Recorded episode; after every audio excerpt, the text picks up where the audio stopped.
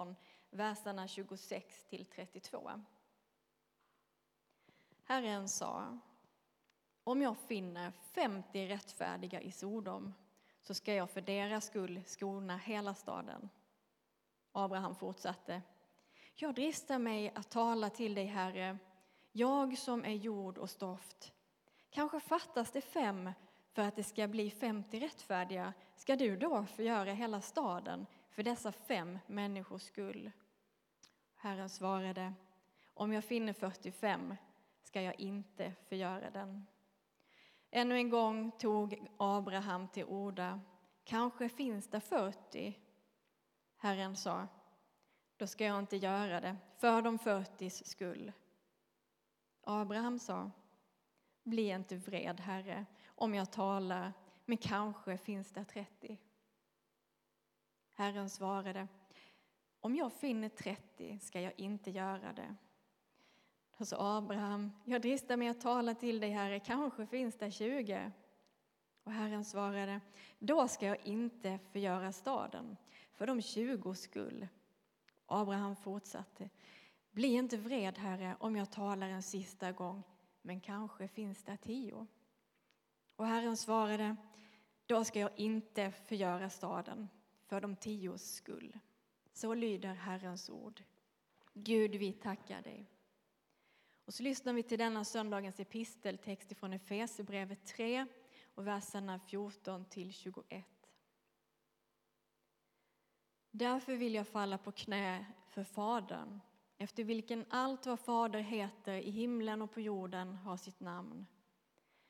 Måtte han i sin härlighets rikedom ge kraft och styrka åt er inre människa genom sin ande så att Kristus genom tron kan bo i era hjärtan med kärlek. Stå fasta och var stadigt rotade i honom så att ni tillsammans med alla de heliga förmår fatta bredden och längden och höjden och djupet och lära känna Kristi kärlek som är väldigare än all kunskap tills hela Guds fullhet uppfyller er. Han som verkar i oss med sin kraft och förmår göra långt mer än vi kan begära eller tänka. Hans är härligheten genom kyrkan och genom Kristus Jesus i alla släktled, i evigheters evighet. Amen. Så lyder Herrens ord. Gud, vi tackar dig.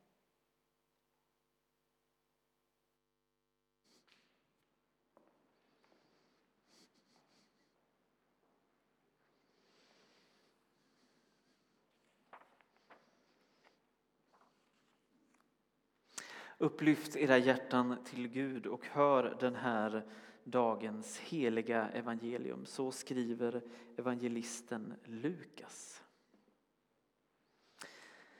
Jesus gav dem en liknelse för att lära dem att alltid be och inte ge upp. I en stad fanns det en domare som varken fruktade Gud eller brydde sig om människor. I samma stad fanns en änka och hon kom gång på gång till honom och sade Låt mig få ut av min motpart vad jag har rätt till. Till en början ville han inte, men sedan tänkte han inte för att jag fruktar Gud eller bryr mig om människor, men så besvärlig som den här änkan är ska jag låta henne få ut vad hon har rätt till. Annars pinar hon livet ur mig med sitt springande. Och Herren sade där hör ni vad en orättfärdig domare säger. Skulle då inte Gud låta sina utvalda få sin rätt när de ropar till honom dag och natt? Skulle han låta dem vänta? Jag säger er, han ska snart nog låta dem få sin rätt. Men Människosonen, ska han finna någon tro här på jorden när han kommer? Så lyder det heliga evangeliet. Lovad vare du, Kristus.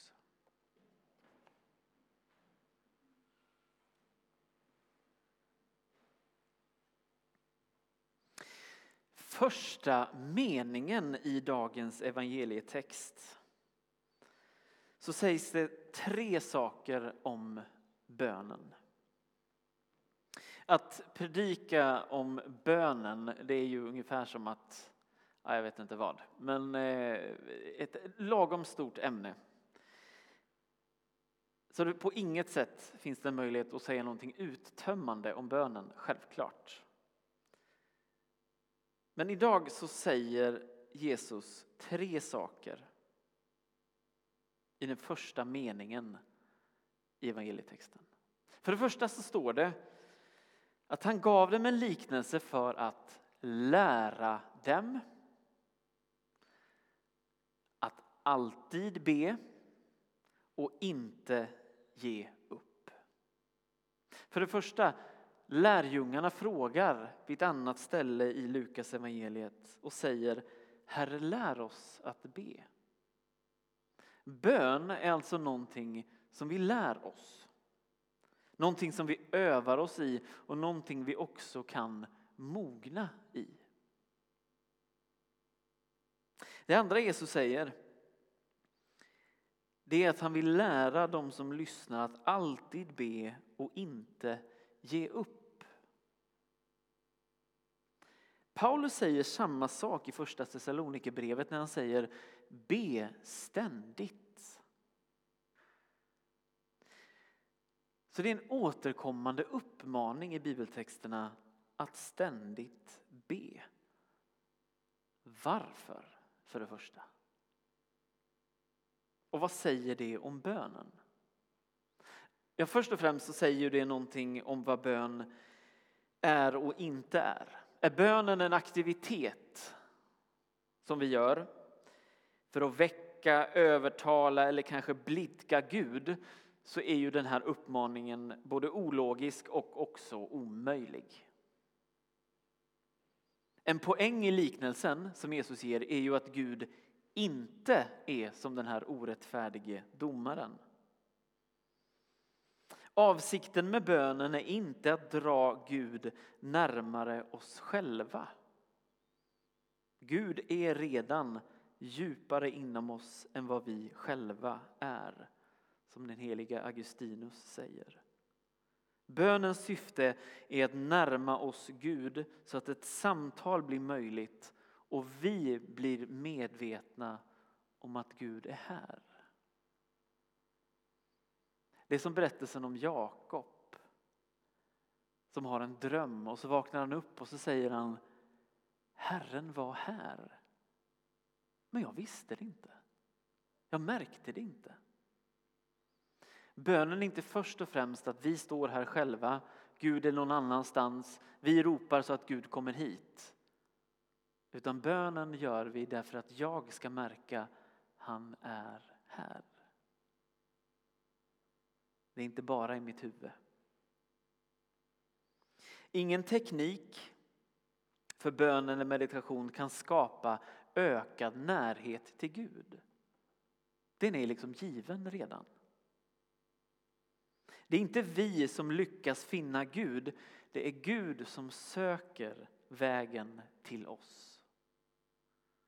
Tänk om vi kan få tänka på bönen så, först och främst som Guds sätt att söka efter oss, inte vårt sätt att söka efter Gud. Vi ber inte för att dra Gud till oss, vi ber därför att Gud drar i våra hjärtan.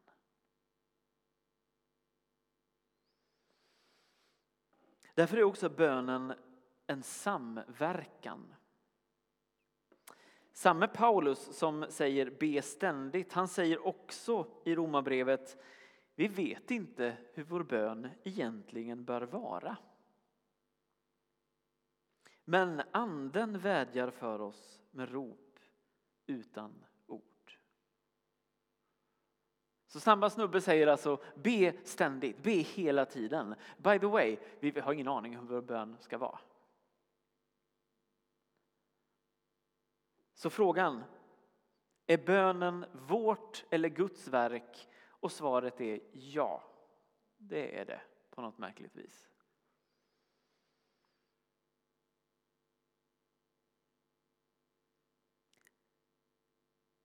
Och det är det därför att bönen gör oss medvetna om det som egentligen hela tiden är sant.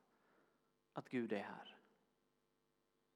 Att Gud är närvarande i mitt liv. På tal om Paulus, han säger ju i episteltexten också så här. Gud som verkar i oss med sin kraft och förmår göra långt mer än vi kan begära och tänka.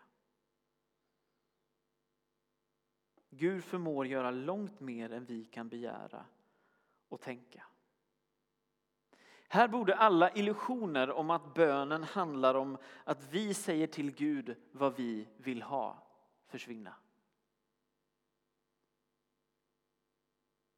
Inte bara vet vi egentligen inte hur vår bön bör vara, men Gud som vi ber till kan alltså göra långt mer än vi kan tänka eller be om.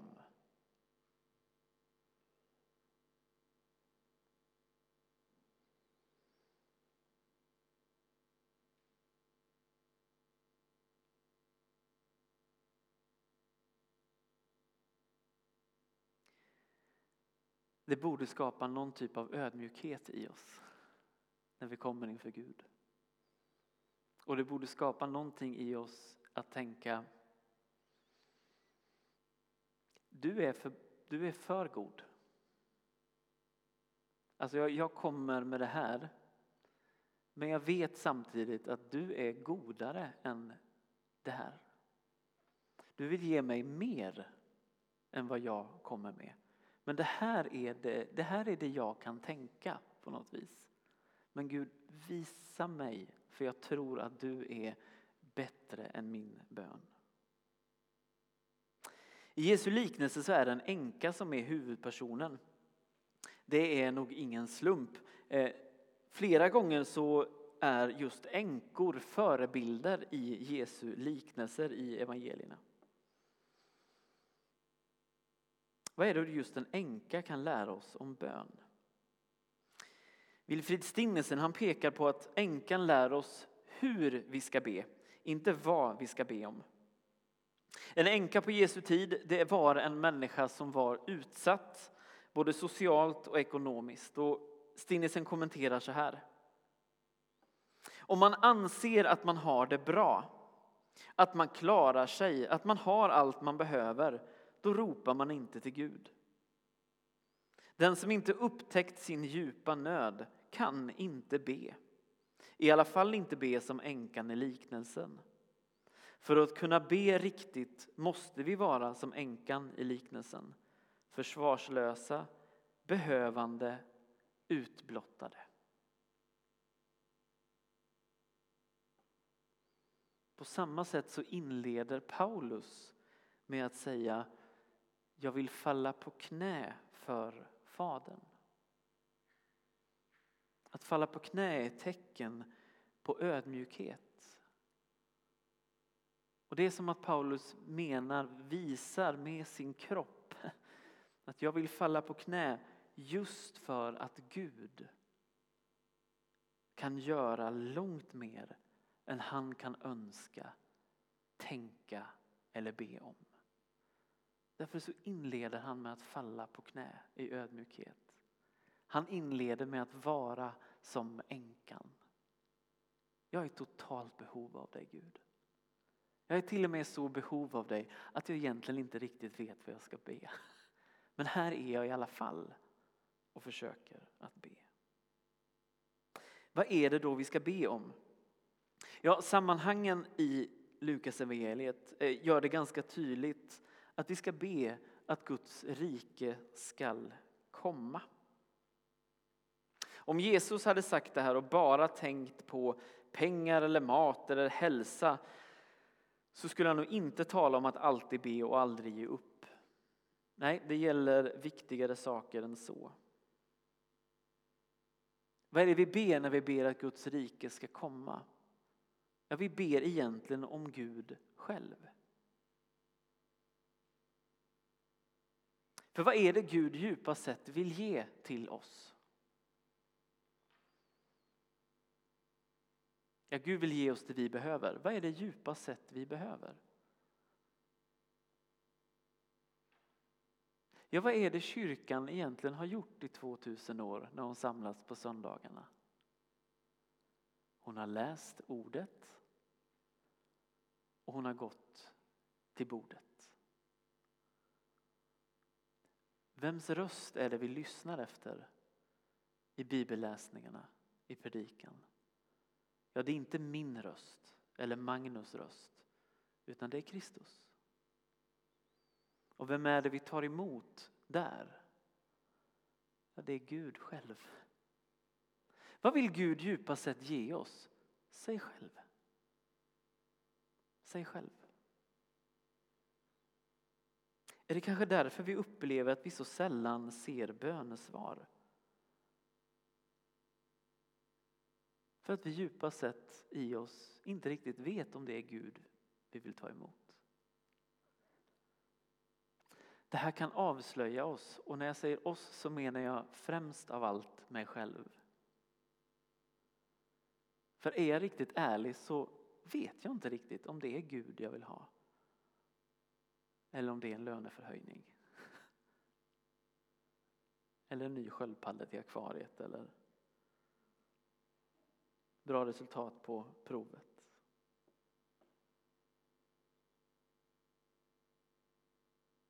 Bönen handlar djupast sett inte om att be om saker. Utan bönen är djupare. Det är vår öppning till Gud att förvandla oss så att vi vill ta emot honom själv.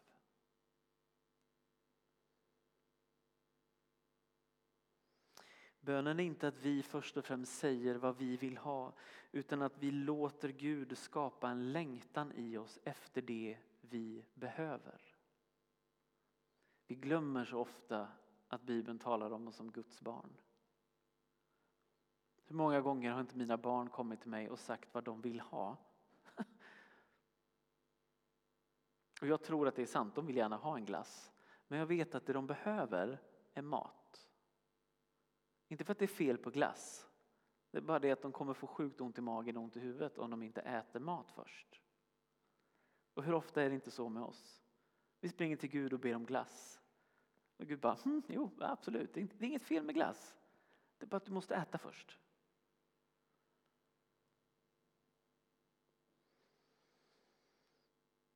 Vad är det Paulus ber om? Han ber att hela Guds fullhet ska uppfylla oss. Han ber att hela Guds fullhet ska uppfylla oss. Detta leder oss till kyrkan. Jesus fortsätter att säga, skulle inte Gud låta sina utvalda få sin rätt när de ropar till honom dag och natt? Skulle han låta dem vänta? Jag säger er, han ska snart nog låta dem få sin rätt. Vad är det som är de utvaldas rätt? Vad är det som är vår rätt?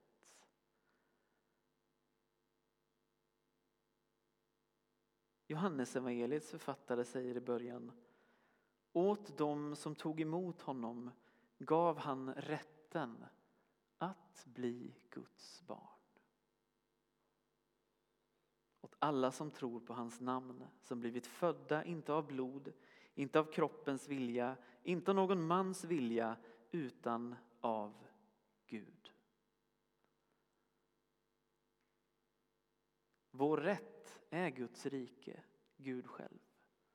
Och än en gång, det är det vi uppmanas först och främst att be om. Lägg märke också till betoningen på gemenskapen hos Paulus och Jesus. Sina utvalda får sin rätt när de ropar till honom dag och natt. Och I pistetexten så säger Paulus, ni tillsammans med alla heliga och att Jesus är, och Gud, Gud, härligheten är Guds genom kyrkan. Peter Halldorf skriver så här. Gudstjänsten är den plats där vi tillsammans med alla heliga erfar hur Guds hemligheter vidgar sig är det inte därför vi går till gudstjänsten? Vi längtar efter att Gud ska visa sig för oss. Vi vill att han ska bli mer verklig i våra liv. Från en gudstjänst där Gud uppenbarar sig bär vi med oss känslan av att ha varit på helig mark.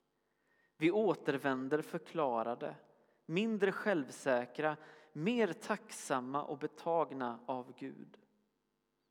Den tidigare grå vardagen framstår nu som genomlyst.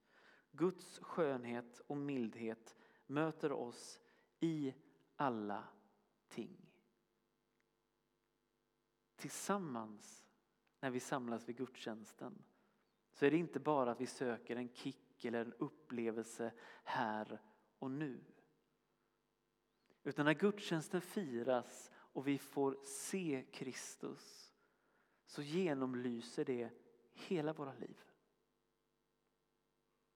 Och vi ställs på något vis hela världen i ett nytt ljus. Precis detta som bönen handlar om. Inte att Gud helt plötsligt har brutit in och kommit hit, han som var långt borta någon annanstans, utan att vi nu märker han är alltid här. Han är alltid här. Det är jag som inte ser, det är jag som inte märker, det är jag som inte hör.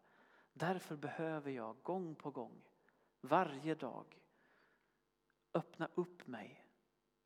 Öppna den vägen till Gud och säga Gud kom, jag vill ta emot dig. Mässan är också Guds ständiga svar på vår djupaste bön. Här erbjuds vi det som på djupet mättar våra behov alltså Gud själv. Här blir Kristus det dagliga bröd som han lär oss att vi ska be om i Herrens bön. En annan översättning av just de orden, ge oss idag vårt dagliga bröd, är ge oss idag brödet, eller varje dag, brödet som kommer ner från himmelen. Ge oss varje dag brödet som kommer ner från himmelen. Mässans liturgi är därför också bönernas bön. I liturgin ber vi tillsammans med alla de heliga och här blir vi, blir kyrkan det folk som tillhör Gud. Vardag och söndag, det personliga, det gemensamma, det privata och det offentliga. Allt hänger ihop. Och när vår personliga bön under veckan kan få förenas, kan få sättas in i, där vi kan se att det är det vi ber om i veckan, det vet vi kommer att få ett svar på söndagen, så kan vi se hur våra liv är inte uppdelade i de här storheterna eller i de här små tårtbitarna, utan det hänger ihop. Mässans liturgi lär oss också hur och vad vi ska be om. Samtidigt som det är svaret på vår djupaste bön. När det är som bäst så skapar och hjälper gudstjänsten och vi tillsammans varandra Både i mässan, efter mässan, innan mässan så hjälper vi oss, vi hjälper varandra att se vad det är vi borde längta efter. Vad det är som är vårt djupare behov.